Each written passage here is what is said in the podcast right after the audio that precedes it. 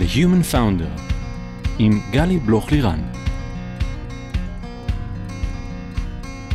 היי, כאן גלי בלוך-לירן, וברוכים הבאים ל-The Human Founder, הפודקאסט שבו מדברים על ההיבטים המנטליים של המסע היזמי. כולם מדברים על ה roller coaster שכרוך בלהיות יזמת ואולי גם משקיעה. משהו שכמטאפורה מדמה את ה sequence של מניה דיפרסיה. איך חווים low חזק כש offsite הנהלה שבנית עם המנכ"ל יוצא טראומטי במיוחד, ואיך מרגישים high מטורף כשאת מצליחה לעזור ליזם להבין מה הדרך החדשה שהוא צריך ללכת בה בסשן אחד מכונן. והמקום הזה, חוסר הוודאות הזה, הצורך לשמור על עצמנו כל הזמן, ברמת ניהול עצמי גבוהה, אנרגיה גבוהה ועם חוסן מנטלי להתמודד עם הכל, זה ממש ממש לא פשוט.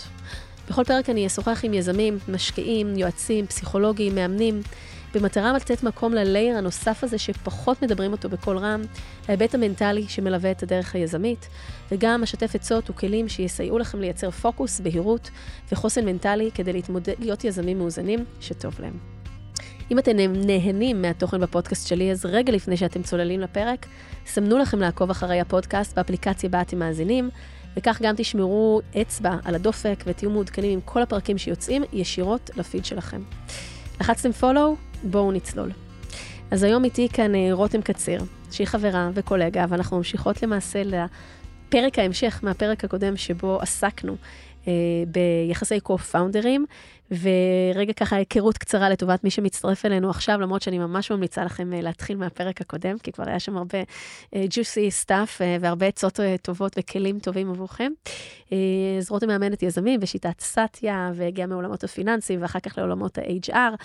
הייתה Head of People בפיטנגו, והיום גם בין היתר מאמנת ארגונית בסימפלי, לשעבר ג'וי טיונס, ונשואה לעמית, אימא לשלושה ילדים בוגרים כבר, מציירת, שומעת פודקאסטים, ואנחנו מפה ממש ממש ככה הולכות להמשיך ולצלול בדיוק בנקודה שבה עצרנו, שדיברנו כמה הסביבה מאוד מאוד חשובה בעצם למסע היזמי, ליכולת של היזם אה, להחזיק את עצמו. הזכרנו קצת את הריטריטים שמתחילים קצת להיות יותר בזמן האחרון, אה, אה, ובעצם הדבר הזה שיזם בעיניי צריך לייצר לעצמו, ויזמת, סוג של כף יד של אה, אנשים סביבו. כמו שיש לנו את הדירקטוריון העסקי, yeah. שבעצם אה, שם אנחנו מתקבלות ההחלטות ברמה האסטרטגית של yeah. כן. החברה, אז לייצר לעצמנו גם סוג של דירקטוריון רגשי אפילו, אפשר לקרוא לזה מנטלי. אני קוראת לזה הקבינט. הקבינט. מה הקבינט האישי שלי. מעולה. מי יושב בקבינט האישי שלי? מעולה, אז מי יכול לשבת בו? אז כמובן שיכול לשבת שם איש מקצוע, קואוץ', מטפל, יועץ, פסיכולוג.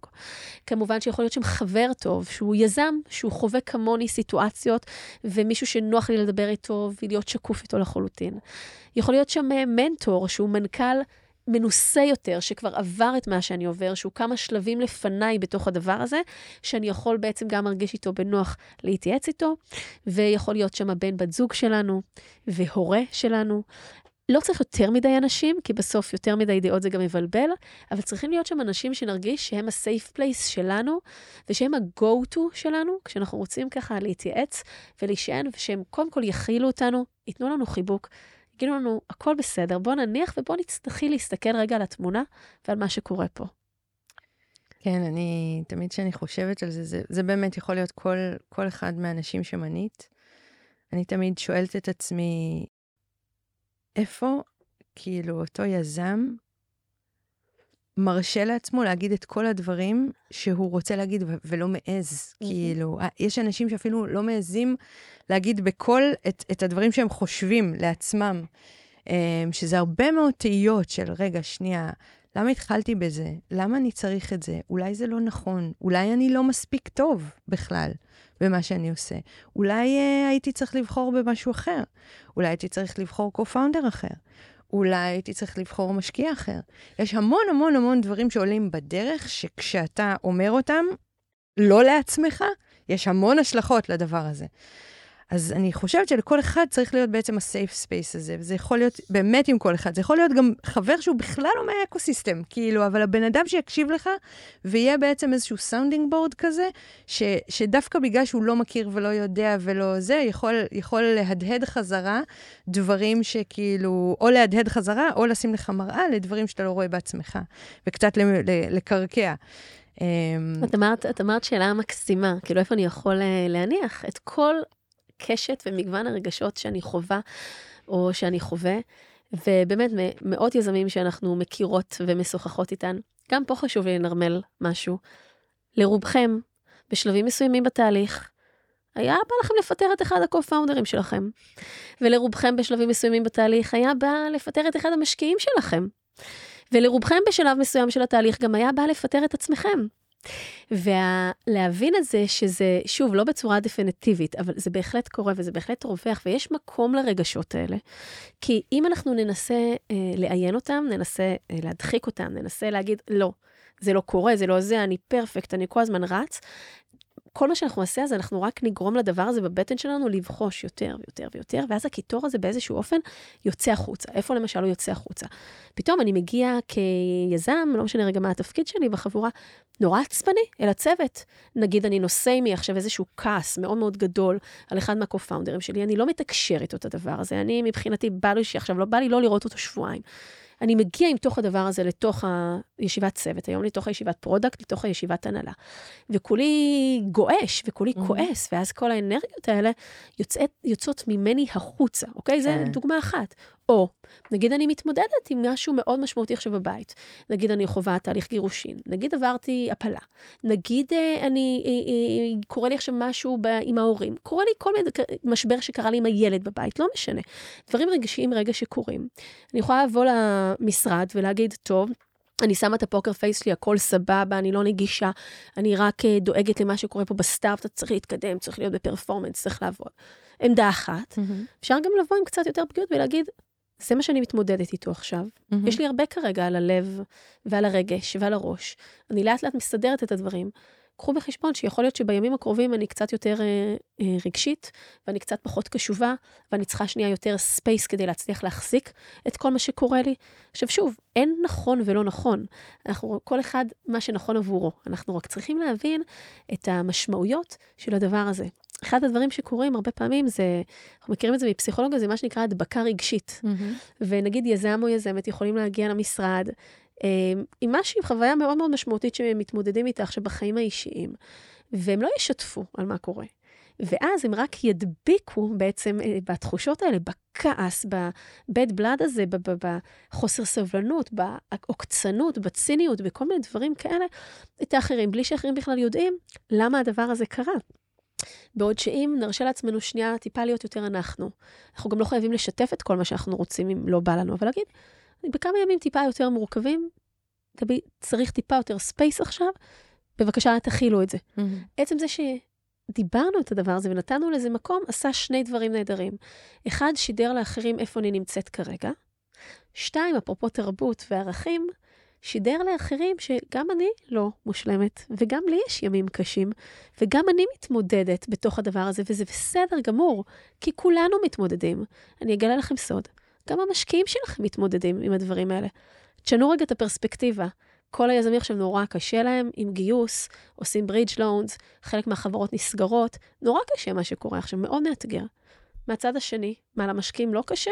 הם אולי לא מרגישים את זה בשוחות ביום-יום כמוכם, אבל הם נתונים להמון לחצים של ה-LPs שלהם, לדלבר, ללמה השקעתם בסטארט-אפ הזה, בואו תסגרו עכשיו את השלטר, תבקשו את הכסף בחזרה כדי להציל חצי מהכסף. גם דינמיקה פנימית בתוך, ה, בתוך הקרנות, אפשר לראות את זה המון, של כאילו בחירות שעשינו, איך אנחנו יודעים לתחקר את זה, לא לתחקר את זה, מה עושים, מה הנחה אותנו, האם עשינו הימורים טובים, לא טובים. יש לזה המון המון המון משקעים לדבר הזה. לגמרי, ולכן מה שאנחנו מנסות בעצם להביא פה ולהזמין אתכם לעשות, לתת לדברים מקום, לדבר עליהם, לתקשר אותם עם כל מיני אסטרטגיות ועם כל מיני שיטות, אני חושבת שיש לזה המון המון ערך. גם פה אני כן אסייג את זה בכוכבית. אנחנו צריכים בהחלט לשקול מילים ולדעת מה אנחנו אומרים למי, באיזה כן. אופן, עד כמה אנחנו פותחים את ליבנו בצורה... ברור, אנחנו בעולם עסקי, יש פה הרבה כסף על המאזניים. ברור שאנחנו צריכים לנהל את הדבר הזה בשום שכל, כן? לא תמות נפשי עם פלישתים להגיד כל מה שבא לי ואחריי המבול, לא.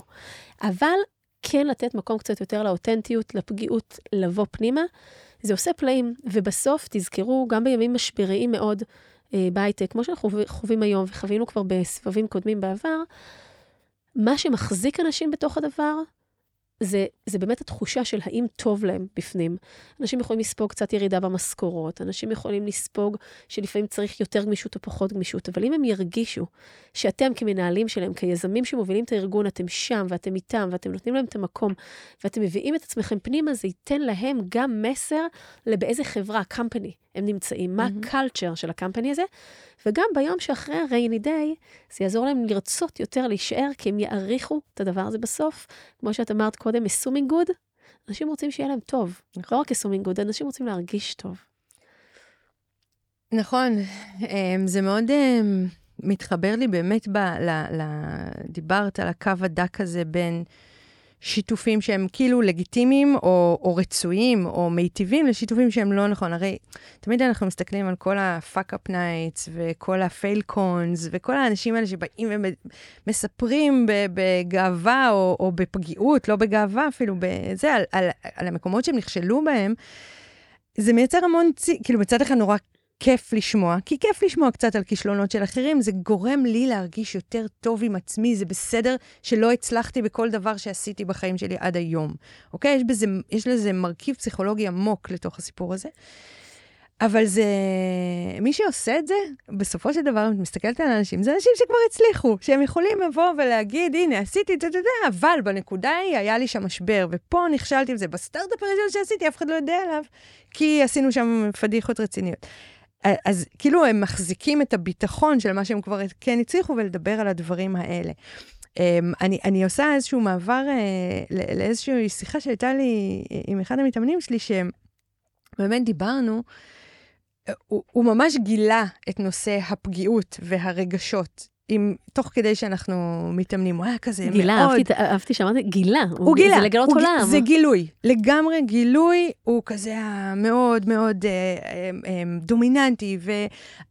אפשר לומר אפילו קצת אגרסיבי, אבל, אבל איש מקסים ו- ו- ו- ונעים וזה, אבל המקום הזה של הרגשות, בתוך הניהול שלו, היה כאילו, היה חסום לחלוטין. Mm-hmm. ודרך המקום הזה שהתחלנו לדבר על דברים כאילו שהפריעו לו בהתנהלות, וזה, ממש גילינו את הרגשות ואת, ה, ואת הדבר הזה, ואז, אמ, ואז הוא שאל אותי, אבל, אבל למה להחצין את זה? מה יצא לי מזה? Mm-hmm. ואז אמרתי לו, אתה תראה שכשאתה תחצין את זה, יותר אנשים יתחברו אליך, כי יש משהו כל כך engaging בלראות בן אדם מולך, as opposed to לראות איזה, איזה דמות, כאילו, נכון, הוא יכול להיות מאוד מעורר השראה, אבל הוא לא נראה אמיתי. זה פלסטיק, נכון. זה סופרמן. זה כאילו, זה אנחנו לא שואפים, עצמם. בדיוק, אנחנו שואפים להיות סטיב ג'ובס ואילון מאסק וטטטה. חבר'ה האלה, א', היו כאילו די חארות של בני אדם, עדיין, חלקם, אה, במהות של זה, השאלה אם אתה רוצה להיות בן אדם כזה, מה הערכים שלך ואיפה אתה רוצה להיות, וב', אנחנו עושים להם כזאת אה, אידיאליזציה והאידוליזציה mm-hmm. של כאילו, ואנחנו לא מסתכלים על ההיבטים האנושיים שקורים. נורא קשה לנו להתחבר אליהם ברמה הרגשית. נכון, הם עשו דברים מדהימים, אבל אני לא מכירה אותם, אני לא יודעת מה מניע אותם. Mm-hmm. העובדים בתוך הארגון, כאילו, האנשים שאיתם אתה בונה את, ה, את הדבר המדהים הזה שבחרת להקים, הם צריכים to relate, הם צריכים mm-hmm. להסתכל על מי שמנהיג אותם ולהגיד, אני מאמין לו, אני מאמין לו כי הוא לא תמיד מושלם, כי הוא לא תמיד הפי-הפי, כי mm-hmm. לא הכל uh, מדהים כל הזמן. כי גם לא יש ימים קשים שלא בא לו להגיע למשרד ובא לו להעיף את כולם ולהתחפר בתוך הזה ולא לפתוח זום, כאילו, לא לפתוח uh, uh, מצלמה בזום. אז כאילו, המקום הזה של הפגיעות משרת אותנו לא רק עבורנו, להיות באמת יותר כנים ואותנטיים, כי זה תמיד יש משהו הרבה יותר נעים ואמיתי במקום הזה, אלא, אלא גם לרתום את האנשים שסביבנו למטרה שכולנו מנסים להגיע אליה ביחד. ואני רוצה לחבר את זה לעוד נקודה, שגם קורית הרבה בין פאונדרים, אה, והיא מתחברת ממש לנושא הרגשי, טראומות עבר. הרבה פעמים כן. יש לנו פאונדרים שהם uh, סיבוב שני, second timers, והם סוחבים איתם איזושהי טראומת עבר uh, מהסגירה או אי סגירה, או הוצאה, או כל מיני דברים שיכלו לקרות שם, בסטארט-אפ הקודם.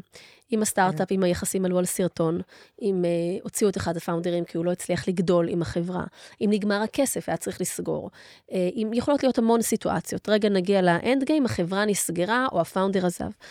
עם הדבר הזה, עם החוויה הזאת של העזיבה, שהיא חוויה של אובדן, אובדן של משהו שאתה במשך כמה שנים מאוד יקרות מחייך היית כל כולך בתוכו, מאמין, שכנעת את כולם סביבך שזה הדבר, את הבני, בן, בת זוג, את המשפחה, את הילדים, הקרבת המון, ואז בסוף רגע זה נסגר, ולא משנה כרגע מה הסיבות.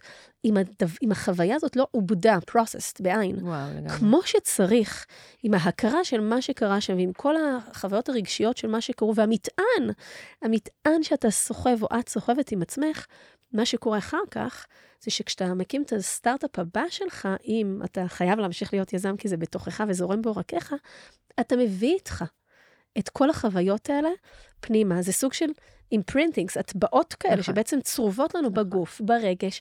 ואז מה קורה? את מערכת היחסים החדשה עם הקו-פאונדרים, בסטארט-אפ הבא שלנו, אנחנו מנהלים מאותו מקום פגוע, לא מהפגיעות, אלא מאותו מקום פגוע. ואנחנו מכניסים דפוסים שהיו גם שם, ואנחנו משליכים לתוך הסיטואציה הנוכחית כל מיני דברים שקרו שם בקבלת החלטות, או בחוסר trust שהיה, או בזה שלא האמינו בי מספיק, או לא קידמו אותי מספיק, או לא נתנו כסף מספיק, כל מיני דברים שהיו שם. ואז אוטומטית גם הסטארט-אפ החדש שלנו יספוג למעשה ויחלה באותן מחלות בדיוק, בעצם. כי זה סוג של נבואה שמגשימה את עצמה קצת, אם אנחנו מביאים את זה פנימה.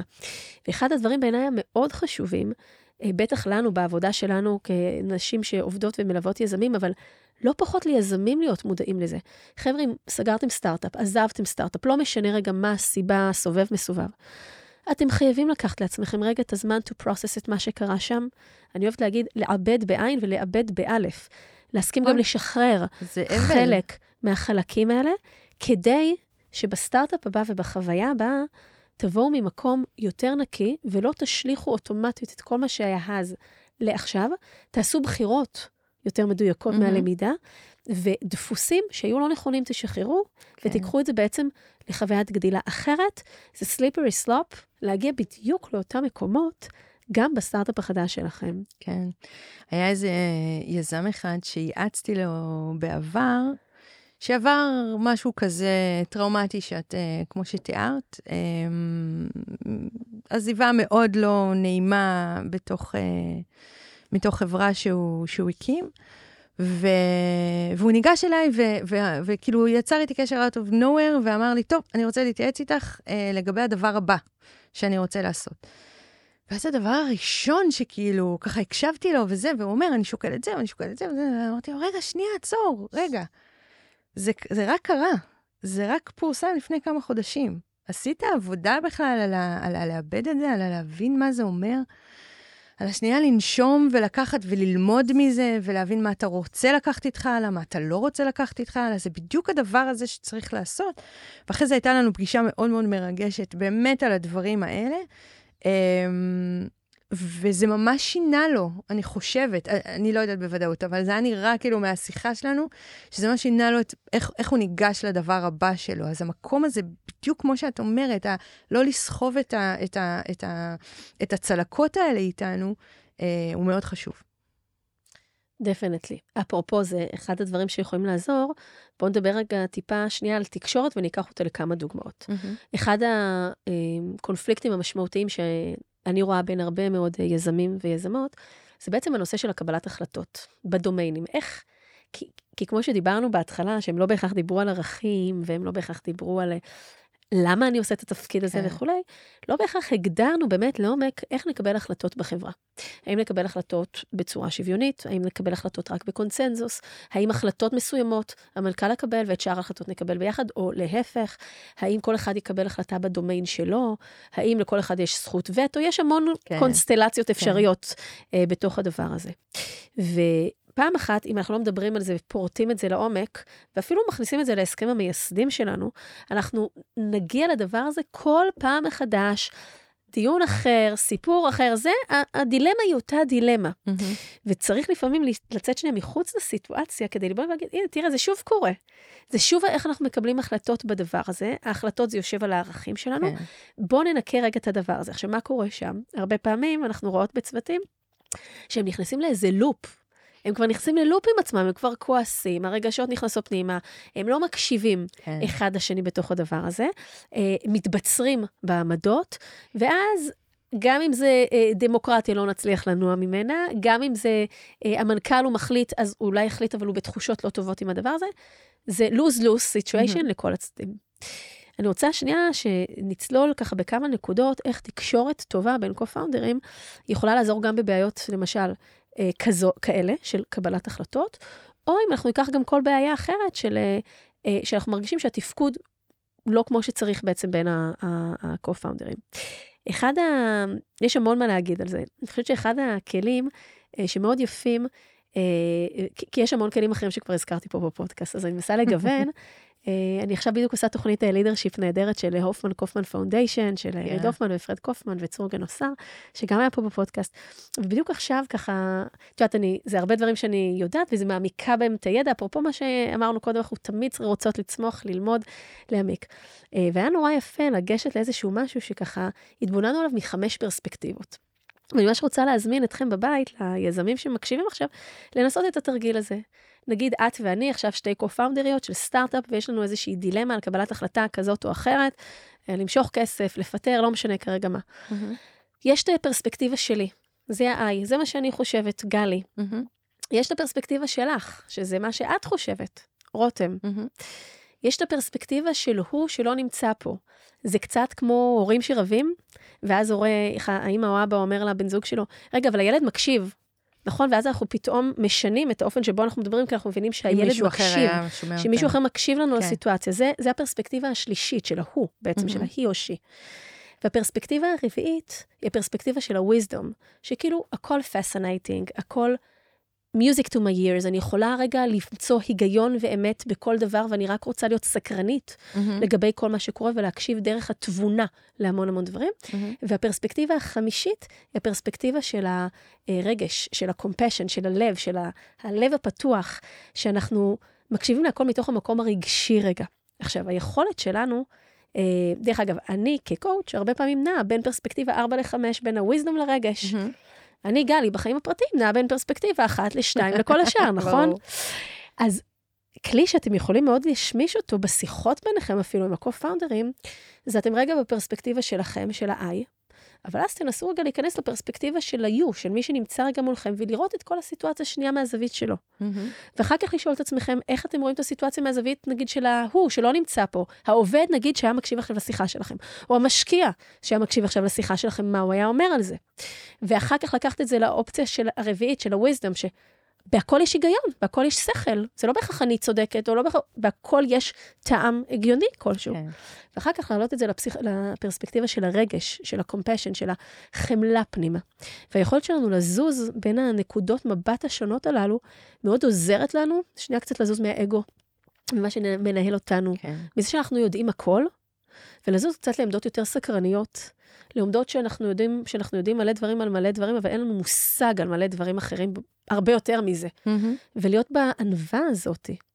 עכשיו, אפרופו מיינדפולנס, זה אחד התרגולים שמאוד מאוד עוזרים לנו אה, להיכנס בעצם ל state of mind הזה. גם את ואני, כשהתחלנו את הסשן היום, נכון? עשינו ככה חמש נשימות. כן. והדברים האלה של לדעת גם להשתמש בנשימה, וגם לדעת להשתמש במיינדפולנס, וגם לדעת לזקק את ההקשבה שלנו אחד לשני בתוך הצוות קו-פאונדרים, ולהכניס נשימה בין ה stimulus ל response, בין הפעולה לתגובה שלנו, זה הכל כלים שהם נורא בסיסיים, אני לא חידשתי פה כלום. אבל התרגול שלנו אותם עוד ועוד ועוד, עושים פלאים באופן שבו אנחנו מגיבים לסיטואציות שקורות. Mm-hmm. אז אני יכולה להוסיף, קודם כל נשמע לי אחלה כלי, מדהים. אה, הוא, הוא נראה לי דורש הרבה מודעות עצמית וצריך פסיליטציה שם בשביל לדעת לעשות אותו כמו שצריך, אבל נראה לי once אתה נכנס לזה, יש לזה המון המון ערך. Um, יש שני כלים שאני עובדת איתם המון עם, ה, uh, עם היזמים שלי, אחד זה, זה, האמת זה לא כלים, זה דברים מאוד מאוד בסיסיים שלומדים באימון בשיטת סאטיה. את דיברת כבר על, ה, על, ה, על הגירוי והתגובה, וזה נכון ש... ויקטור פרנקל בעצם הוא, הוא זה שדיבר על זה. בסאטיה אנחנו, אנחנו קוראים למרווח הזה יצירת חופש. Mm-hmm. איך אנחנו מייצרים לעצמנו את החופש לבחור, mm-hmm. אוקיי? ואז ברגע שאני נוקח נשימה, אני מאפשר לעצמי שב, כמה שברירי שנייה להגיד, רגע, זאת הסיטואציה, אני הולך להגיב ככה, האם זאת הדרך הכי טובה להגיב? אולי יש דרך יותר טובה להגיב, שאני יכול לבחור בה. מהמם. אני יכול ללכת לאוטומטים שלי, אני יכול לבחור ללכת לאוטומטים שלי, אבל זאת בחירה. לגמרי. ברגע שיש את הנשימה ויש את המרווח הזה, אני יכול לבחור להגיב כמו שאני רוצה להגיב. לפעמים יותר טוב, לפעמים פחות טוב, ומתאמנים בזה מן הסתם. וזה. אז זה, זה, זה הבסיס להכל. אנחנו לומדים המון אה, על החשיבות של הקשבה, אוקיי? עכשיו, אני חושבת שהקשבה זה אחד הדברים הכי קשים לבני אדם לעשות. אנחנו, אה, אני חושבת שהבודה אמר, אה, הדלאי למה אמר שאם אתה, כשאתה מדבר אתה רק שומע את עצמך, כשאתה מקשיב אתה אשכרה לומד, או משהו בסגנון הזה. אה, ואז בעצם היכולת להקשיב לבן אדם עד הסוף, בלי לקטוע אותו, תוך כדי שאת באמת מיינדד למה שהבן אדם השני אומר, זה יכול להיות שהיא, היא, היא, לפעמים יש לנו, ואז היא בורחת נורא מהר. כי מספיק שהבן אדם אמר משהו שהפעיל אצלי משהו, לחץ לי על זה כפתור, פוף, הלכה הקשבה. אני כבר לא מקשיבה, אני רק חושבת מה אני הולכת לענות לו על הדבר שהוא אמר לי, כאילו זה, ויכול להיות שהוא יסתור את עצמו בכלל במשפט הבא, ואני לא אדע את זה כי לא הקשבתי לו. היכולת שלנו להקשיב היא מאוד מאוד תלויה ביכולת שלנו לנשום, זאת אומרת, להסתכל על הבן אדם השני, להבין שקורה לי משהו עכשיו, לקחת נשימה עמוקה ולהמשיך, לא לפתוח את הפה ולא להגיד כלום, להמשיך ולהקשיב עד שהבן אדם מסיים לדבר. ואז לחכות עוד קצת, עוד איזה שתי שניות, ולוודא שהוא סיים לדבר, ורק אז להגיד את מה שיש לנו להגיד. עושה פלאים זה מטורף, אחד הדברים הכי קשים. גם לי כמאמנת לקח המון המון זמן ללמוד לעשות את זה, זה, זה, זה פסיכי. Um, זה דבר אחד. אני, כדי, גם כדי לעבוד עם יזמים, עם זוגות את רואה? את רואה איך אני נושמת? כן, כל רואה? הכבוד. איך אני מחזיקה את זה? את רואה? את רואה? אני כל כך גאה בך. לומדת נורא מהר. אה, מתאמנת, מתאמנת. אני רואה. אמ, אז אה, ו- אגב, זה, זה מתאמנים שלי כל הזמן, זה מצחיק שאת אומרת את זה, יש לי מתאמנת שהיא כאילו, היא, היא אומרת, היא, היא אומרת, את רואה איך נשמתי עכשיו? כאילו, זה, היא צריכה את. ה-recognition על זה, אגב, שעמדה בזה. נכון. אגב, כשאני מאמנת, ואני רואה שהמתאמן שלי לא, לא נושם, אני אוטומטית, אני נושמת, כאילו מטפלת בעצמי, ואז הרבה פעמים זה מזכיר להם לנשום, מהמם. רואים אותי, ואז הם עושים את זה. נכון. זה, זה כל פעם צוחקים אפרופו על הדבר ההדבקה. הזאת, שדיברנו בדיוק. עליה. בדיוק. נכון. הדבר השני, זה משהו שלמדתי באימון, למדתי אימון זוגי, אמ, ואומנם לומדים את האימון זוגי לזוגות רומנטיים, אבל אין לי שום כוונה לאמן זוגות רומנטיים, אלא אם כן הם יזמים, ואז זה סופר, זה, זה קשה, אבל זה, זה אפשרי. Uh, באימון שלי של יזמים קו-פאונדרים, אחד הדברים שאני מלמדת אותם לעשות, זה בעצם הרי, אנחנו תמיד באים, כל קונפליקט, הוא, יש לי מיליון טענות לצד השני. זה כאילו, הוא לא עושה ככה, והוא לא חושב על זה, והוא חושב שרק מה שהוא עושה זה נכון, והוא לא מוכן להקשיב, והוא עושה... וזה מייצר כל כך הרבה אמוציות וזה, ו- וחוסר הקשבה מן הסתם. אחד הדברים שאני כאילו עושה איתם, זה רגע שנייה, הקשבת לצד השני, עכשיו, כל הדברים שעוברים לך בראש שאתה רוצה להגיד, תנסה לזקק אותם לכדי בקשה. מה אתה מבקש מהצד השני, אוקיי? הבקשה הזאת, קודם כל זה מטלטל אותם לגמרי, כי כאילו, רגע, שנייה, מה הבקשה? אני, זה מגיע לי, הוא לא בסדר, מה פתאום אני צריך לבקש פה? אז קודם כל, ברמה הראשונית זה לא טריוויאלי. ברמה השנייה, אחרי שהם קצת אה, נרגעים, זה כזה, שנייה, מה אני מבקש בעצם? כאילו, כל מה שאני מבקש זה שתדבר איתי לפני שאתה עושה משהו, אוקיי? זה יכול להיות, בדיוק, יכול להיות דבר. אה, זה. או תחשוב לפני שאתה, אה, לא יודעת מה, כועס על משהו וצועק על איזה עובד או וואטאבר. לפני שאת אה, מפתחת איזה פיצ'ר, ת- תבואי ות, ותבדקי בעצם אם זה באמת הדבר שאני בתור אה, מנכ"ל אה, עושה, שמעתי מ- מהלקוחות שצריך. כל מיני דברים שכאילו, יש המון המון דברים בתוך הסיטואציה הזאת שאנחנו לא יודעים לנסח כש, כבקשה. אם אנחנו את כל הטענות שלנו אחד כלפי השני, בעולם בכלל, לא Mhm. רק כיזמים, אלא גם במשפחה שלנו, בזוגיות שלנו, עם הילדים שלנו, היינו יכולים לנסח כבקשה, אנחנו כבר בספירה אחרת של שיח. עכשיו, חשוב לי רגע לציין, עם כל הכבוד לך ולי, ואנחנו מאוד מודעות, ואנחנו עוסקות בזה וכולי וכולי, חבר'ה, זה לא קל לאף אחד. כן. וכל היום בעצם העבודה שלנו, כולנו חווים את הפער הזה, בין איך שאנחנו רוצים להיות, איך שאנחנו רוצים להתנהג, לבין מה שלפעמים חזק מאיתנו. זו עבודה שהיא בלתי נגמרת, לא בחיים האישיים, ביזמות, בחיים הזוגיים, כל הזמן לנסות עוד ועוד להיות מודעים לפער הזה, לעבוד עליו וללמוד ממנו, בסדר? זה לא שרותם ולי יקל לנו כל הזמן, זה לא שאין לנו פלטות, זה לא שאנחנו לא מתעצבנות. תשאלי את בעלי, הוא מספר לך המון דברים. אנחנו נשמעות פה נורא יפה, נורא טוב, בואו, הכל בפרופורציות. אבל ה- היכולת להיות עם מודעות לזה, ו- ו- וגם לדעת שלפעמים גם מתפלק לנו, בסדר? אבל להתבונן בזה אחר כך, לקחת אחריות על זה, וללמוד ולשפר, זו בעצם אה, העבודה. אנחנו רואות הרבה פאונדרים שלא מצליחים אה, to scale עם החברה, mm-hmm. בעצם שהחברה גדלה, אה, מתפתחת, עוברת בין השלבי, לא משנה כרגע סכומים וזה, כי הרי זה משתנה חדשות לבקרים בהתאם למצב המקרו-כלכלי, אבל הצרכים משתנים, והפאונדרים אה, לא בהכרח מצליחים אה, לגדול עם החברה. שוב, להיזהר מהכללות, אבל בואו ניקח רגע דוגמה, אה, כי היא קורית לא מעט. אה, זה יכול לקרות עם CTO, CTO שהתחיל, שהוא בהתחלה מאוד ככה עם ה vision והטכנולוגיה וה-high-level אסטרטגיה באמת הטכנולוגית, אבל עם הזמן ועם הפיתוח ועם כל הצרכים והדרישות שנכנסות לתוך המערכת, החוזקות הניהוליות אולי פחות באות לידי ביטוי. ואז יש שם איזשהו פער בין מצד אחד השכל החריף, החד, החכם, העומקים המאוד מאוד טכנולוגיים, אפילו ארכיטקטוריים או, או ריסרצ'יים של הדברים, לבין יכולות האקזקיושן והניהול. זה דוגמה אחת, יש המון דוגמאות.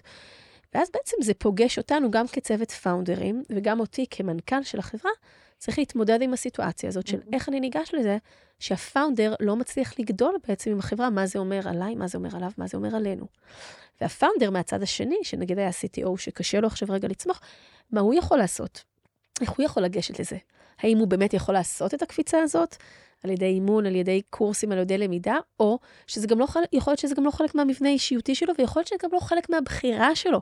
יכול להיות שהתאים לו להיות בסטארט-אפ מה... פריסיד עד לבואכה A, להתחיל את הדברים, ושעכשיו מתאים לו רגע להישאר בפוזיציה שהיא יותר מלמעלה, להביא את ה-VP R&D, שהוא ינהל את כל התהליכים וכולי, והוא יישאר יותר ככה באסטרטגיה מלמעלה. אז יש לנו כל מיני, וזו רק דוגמה אחת, ויש עוד אינסוף דוגמאות אה, בהקשר עליה. אז כשאנחנו רואים פאונדרים שלא מצליחים בעצם לגדול עם הסטארט-אפ, גם שם אה, אה, יש מורכבות מאוד גדולה, כי למעשה אנחנו רגע, נגיד כמנכ"לים, אנחנו צריכים, אנחנו בספליט מסוים, זה מצד אחד החבר'ה שהתחלנו איתם. יש שם אה, trust ויש שם קשר, במקרה של יחסים טובים. מצד שני, אנחנו צריכים להסתכל עכשיו על טובת החברה. מה נכון לחברה, איך החברה גדלה. מצד שלישי, אנחנו רוצים לתת הזדמנות. יכול להיות שהוא רוצה לקחת אותה, יכול להיות שהוא גם לא רוצה לקחת אותה. Mm-hmm. זו הבחירה שלו, יכול להיות שהוא לא רוצה כבר יותר. כל הדברים האלה זה פתח להמון המון דילמות ושיח שאנחנו בעצם חייבים אה, לתקשר אותו אחד עם השני, נכון. ולהבין איך לפעול בתוכו. נכון.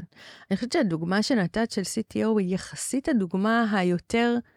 לא שזה פשוט, אבל היותר פשוטה. כי נגיד CTO, שהוא, שהחברה גדלה וזה, הרבה פעמים הוא, אוקיי, אני אקח VP R&D, ה-VP R&D ינהל, אני אשאר ברמת הזה שמסתכל על הטכנולוגיות, או, או ברמה, הוא נשאר מאוד ברמה היזמית, mm-hmm. ואז ה, היכולות היזמיות נשארות רלוונטיות יחסית לאורך זמן. כי התפקיד של CTO זה בסוף להסתכל באמת טכנולוגית, ארכיטקטונית, כאילו, ארכיטקטורי על כל ה, על הארגון, וכאילו בעצם uh, לתת את המענה הזה, ואז לבדוק המון טכנולוגיות חדשות וזה, הרבה פעמים זה נופל בתוך ה-comfort zone שלהם. מה קורה בתפקידים אחרים? מה קורה אם uh, מישהו, אחד הפאונדרים, לקח, uh, לקח את כובע product, והוא מוביל אותו לא רע לאורך, ה, לאורך הגדילה של הזה, ועושים, uh, מגייסים seed, ואחרי זה מגייסים A, ועוד פעם מגיעים ל-B ומתחילים להכניס כסף, כאילו יש מכירות, יש זה וטטטה וזה, ואז פתאום נתקלים בכל מיני דברים. שיכול להיות שאותו founder הוא לא equipped ל scale, הוא לא equipped למורכבות של הבעיה, פתאום מגלים דברים חדשים מהלקוחות ש, שזה, מה קורה אז? כי אין, אתה... אתה לא יכול, טוב, אני אביא לי איזה מנהל product שהוא ינהל ואני רק אהיה הראש היזמי. וגם מה קורה כשזה המנכ"ל עצמו? ומה קורה שזה לא המנכ"ל? שהוא לא מצליח לגדול עם החברה. בדיוק. והוא זה שבעצם אחראי להוביל את הכל. נכון. האם יש לו מספיק גם humility וגם אותנטיות וגם integrity בעצם, כדי לבוא ולהגיד, I'm not up to it. אז אני אגיד לך על הדבר הזה שהרבה מאוד, מהניסיון שלי, הרבה מאוד מנכ"לים מתהדרים בלהגיד, אני כל מה שמעניין אותי זה טובת החברה. מן הסתם זה גם אינטרס שלי, יש לי המון equity, טה-טה-טה בזה. ברגע שאני ארגיש שאני לא מספיק equipped לנהל את החברה, אני אדע to step away, אני אגיד ל board, תביאו מנכ"ל, או תמנו מישהו אחר, או טה-טה-טה זה. אני לא מכירה, אני מכירה מנכ"ל אחד שעשה את זה, אוקיי? אחד ש, שאשכרה עשה את זה. כי זה נורא קשה. Mm-hmm. כי האימפוסטר סינדרום שלך מלווה אותך לאורך כל הדרך. וכל הדרך אתה אומר, וואט מה אני עושה פה? כאילו, למה אני צריך את זה? מי, מי שם אותי בכלל להיות אחראי על הדבר המשוגע הזה? עוד שנייה יגלו שאני לא מבין כלום ממה שזה. ואתה מצליח, ואתה כאילו, ואתה, אתה, ו, ואגב, אני קראתי בדיוק מאמר ב-HBR שמדבר על, על זה ש imposter syndrome זה אחד הדברים שהם הכי הכרחיים וטובים ומיטיבים לנו כ executives, כאילו, במהלך הדרך. כי זה ה drive שלנו, זה עוזר לנו בדיוק, להשתפר כל הזמן, לגדול, בדיוק. לא אז, להשאיר שום דבר ככה לא הפוך ולנסות כל הזמן. אז ה imposter syndrome, שקוראים לו אה, תסמונת המתחזה, אז בעצם זה דבר שמאוד מאוד משרת אותנו, אבל אם הוא הולך איתך לאורך כל הדרך כמנכ"ל, אז מתי הנקודה שבאמת זה לא ה imposter syndrome, אני באמת לא capable לעשות את התפקיד הזה? אתה לא באמת יודע מתי זה קורה, ואז הרבה פעמים אתה... עכשיו, אני באמת, מתוך אמונה מאוד מאוד אה, עמוקה, גם מניסיון אישי וגם מזה של... של להביא, להחליף מנכ"לים, זה אחד הדברים הכי גרועים שאתה יכול לעשות לזה. יש ערך לזה שהיזם הוא המנכ"ל, או שהמנכ"ל לצורך העניין הוא גם אחד היזמים, ואתה רוצה להשאיר את זה ככה. החוכמה בתוך הסיטואציה הזאת זה להבין בדיוק ההיכרות הזאת שדיברת עליה קודם, במה אני מעולה, ובמה אני ממש לא טוב. ובמקומות שאני לא טוב, אני מביא אנשים אחרים שיעשו, והאנשים האלה יכולים להיות הקו-פאונדרים שלי, if I'm lucky, באמת, mm-hmm. ואם לא, אני מביא אנשים שהם אקזקיוטיבס, שממלאים בעצם את המקומות שבהם אני לא מספיק טוב, ואני יכול להתמקד במה שאני עושה. המנכ"לים המאוד מאוד אה, חכמים ומודעים עשו את הדבר הזה. אגב, לפעמים זה בא ממקום של מודעות עצמית ו- ומכוון, ולפעמים לא, לפעמים אתה חוטף כמה סתירות, ואז אתה מבין את זה בדרך הקשה, ואז אתה עושה את זה. אבל ברגע שאתה לא עושה את זה, מתחילים להישבר דברים. ואני חושבת שזה um, נתון שבטח את מצטטת הרבה בפודקאסטים שלך, וזה הרי 65% מכל הסטארט-אפים, uh, הם, הם מתפרקים על, על מערכות יחסים בין יזמים. אז המקום הזה של להחזיק את הדבר הזה לאורך זמן, um, הוא קריטי. הוא קריטי והוא אחד הדברים הכי משמעותיים שישפיעו על הצלחת הסטארט-אפ. עכשיו, אנחנו תמיד מסתכלים גם על הצלחה וגם על סליחה, על ההתחלה ועל, ה, ועל האקזיט של הסטארט-אפ בתור אירועים נורא נורא מרגשים ומדהימים כאלה. גם בהתחלה יש את ההתלהבות של, ה, של ההתחלה, ואנחנו הולכים לכבוש את העולם, ווואו, מה יהיה פה וזה, וגם האקזיט, הוא, איך הוא נראה, הוא מאוד מאוד רגע, מרגש. It's the messy middle mm-hmm. שאנחנו צריכים לדעת לנהל. חתיכת messy. חתיכת messy. וה messy middle הזה... וגם העוד בעיה שאין לך מושג מה זה ה middle? אתה יודע בדיעבד שזה היה ה middle. נכון. כי אין לך נכון. מושג, אז הסטארט-אפ יכול להיות אחרי שנתיים אולי יירכש, אחרי חמש אולי ייסגר, אחרי שמונה אולי יעשה נכון. הנפקה. אתה לא יודע. כל נכון. הזמן אתה לא יודע.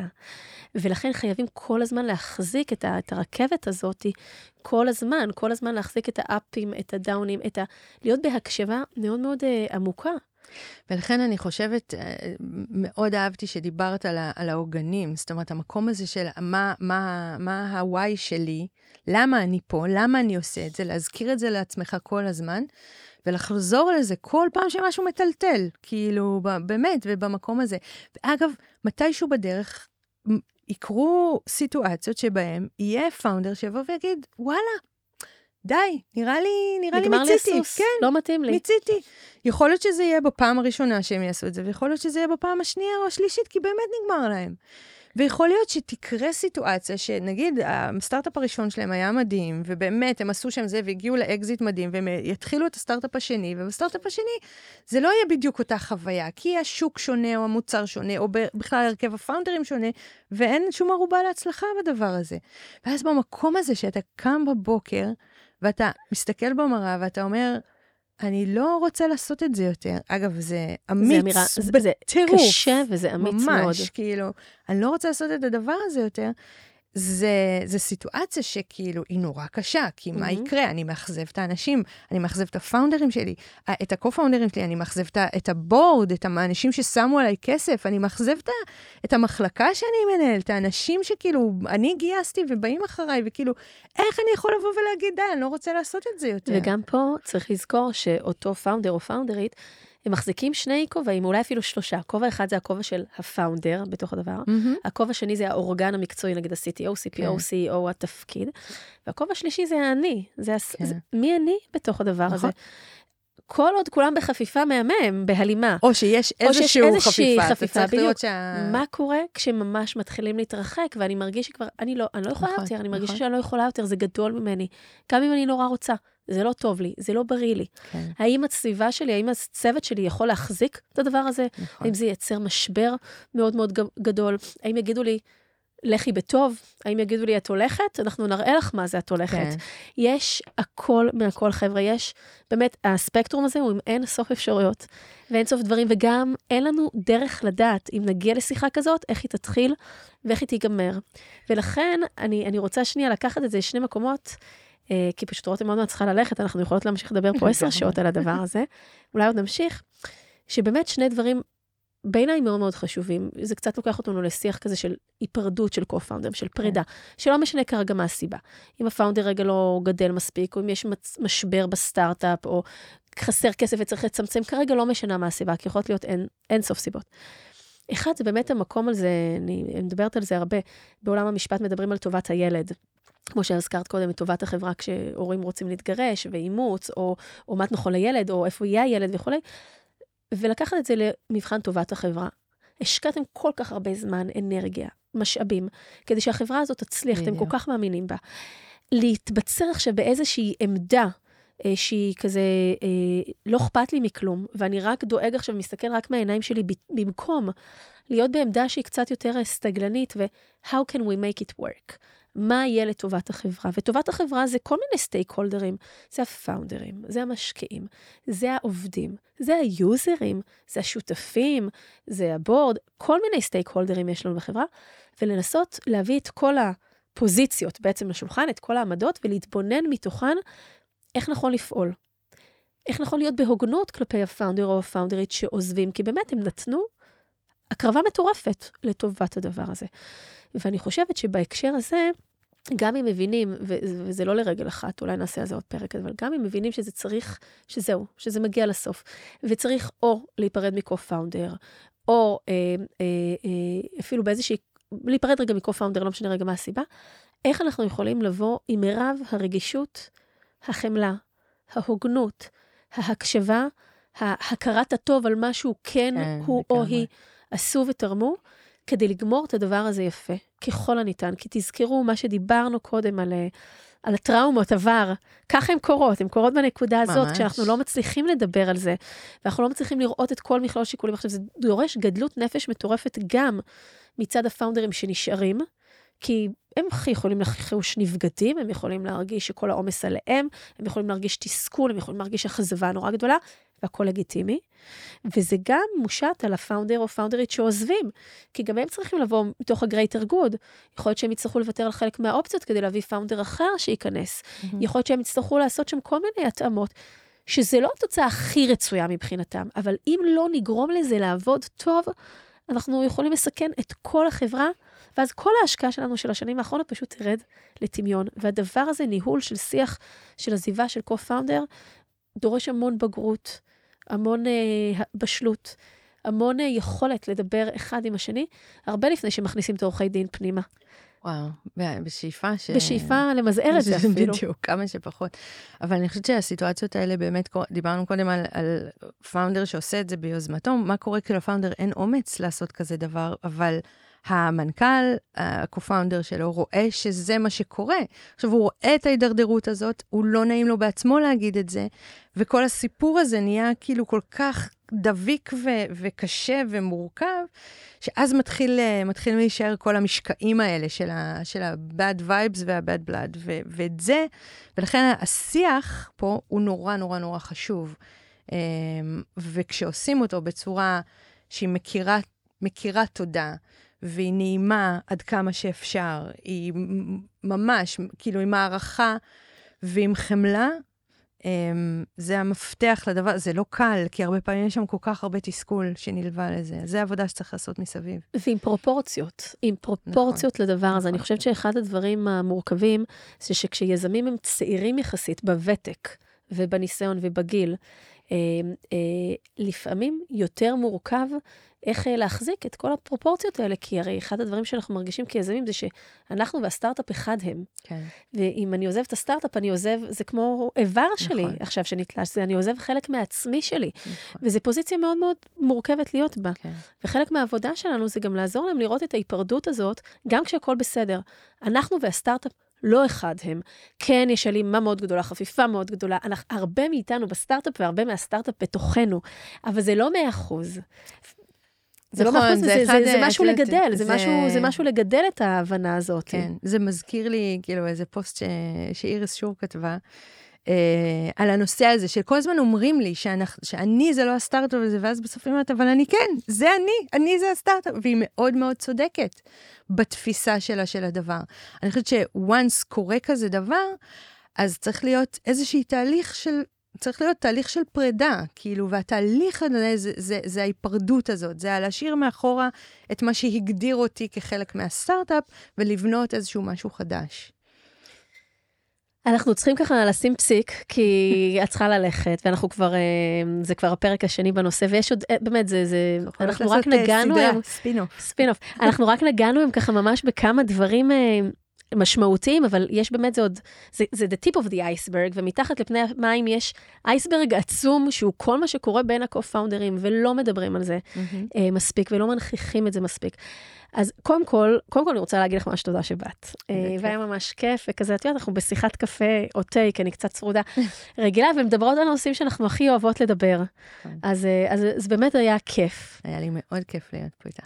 ואני חושבת שבאמת הנקודות שככה מרקרנו היום, אם, אם, אם באמת לסכם איזשהו take-aways קטנטנים מהדבר הזה, זה שחבר'ה, א', זה קשה לכולם. זה באמת קשה לכולם. קשה יותר, קשה פחות, אבל קשה. שתיים, צריך לנרמל וצריך לדבר את הדבר הזה, זה בסדר להוציא את הפגיעות החוצה, צריך לדעת עם מי ואיך. אבל זה חשוב להוציא את זה. תמצאו לעצמכם את האנשים שנוח לכם ונכון לכם לדבר על זה.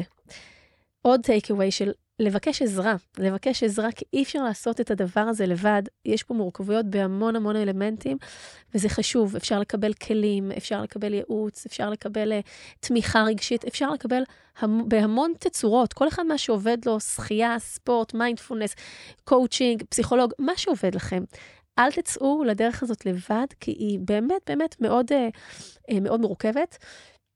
Uh, ובאמת, אה, מאמתת אותנו באלף ובעין עם, עם מי שאנחנו. אנחנו מהמם. מאוד גדלים בדרך הזאת, זו מתנה מאוד מאוד גדולה, אבל זו צמיחה לא פשוטה. צמיחה לא פשוטה, וכל מי שנמצא בעצם בתוך התעשייה הזאת, אה, יודע מאוד לעומק ככה אה, על מה אנחנו מדברות. אני, אני מקווה שהצלחנו ככה, גם אם היו חלקים תיאורטיים, אז היזמים והיזמות שיקשיבו, יגידו, וואי, רגע, זה קורה לי, ווואי, רגע, זה בדיוק מה שקורה לי בסיטואציה, ואני ככה ואני ככה. קודם כל חשוב לי להגיד, אף סיטואציה פה לא נאמרה באופן ספציפי על אף יזם שאתם חושבים שאנחנו מכירות, כי אני אגלה לכם סוד, רותם ואני צחקנו על זה. אתם כולכם חווים את אותו דבר, אז, אז זה לא אינדיבידואלי, באמת, אתם כולכם מתמודדים עם הדברים האלה, ו, ואם תזדהו, זה בגלל שזה קורה, אה, ככה גם אצלכם אה, בבית. זהו, אנחנו מזמינות אתכם לדבר על זה, לפנות לעזרה אם צריך. אה, ולדעת שההיבטים המנטליים במסע היזמי והיחסים בין ה-co-founders הם כל כך חשובים לתחזוק מההתחלה, כדי שכשיגיע הקרייסיס והוא יגיע, יהיה לכם את המקום ואת המרחב הנכון, וכבר את הכלים ואת השפה אה, לדבר על זה. רותם, משהו שעוד בא לך להוסיף? אני חושבת שסיכמת את זה ממש טוב. אני רק אה, מזמינה עוד ועוד שיח על הדברים האלה, זה נורא חשוב. מהמם. אז שוב תודה. למאזינים אנחנו נשים פסיק עד לפרק הבא, ככה אני גם אומרת ליזמים שלי מסשן לסשן. אם נהניתם, אני ממש אשמח שתפיצו את הפודקאסט ליזמים ומשקיעים שאתם מאמינים שיקבלו ממנו ערך. תודה לגוגל קמפוס, שמאפשרים להקליט כאן את כל התוכן המאוד מאוד חשוב הזה. אתם מוזמנים לבקר באתר שלי בגלי-בלוך-לירן.com ולהשאיר שם את הפרטים שלכם כדי להתעדכן וללמוד עוד על ההיבטים המנטליים של יזמים, וגם לעקוב אחרי הפודקאסט שלי, The Human Founder, באפליקציות הפודקאסטים שלכם. את רותם אפשר למצוא בלינקדאין, בלינקדאין, בפייסבוק, בפייסבוק, באינסטגרם, באינסטגרם, ב- איפה שאתם רוצים. רותם. קציר. קציר עם... אה, קציר בלי טי, בלי... קזיר. תודה. קזיר, דבר על זה. שמים פסיק, כן. ניפגש בפרק הבא. צ'או רותם. תודה. תודה.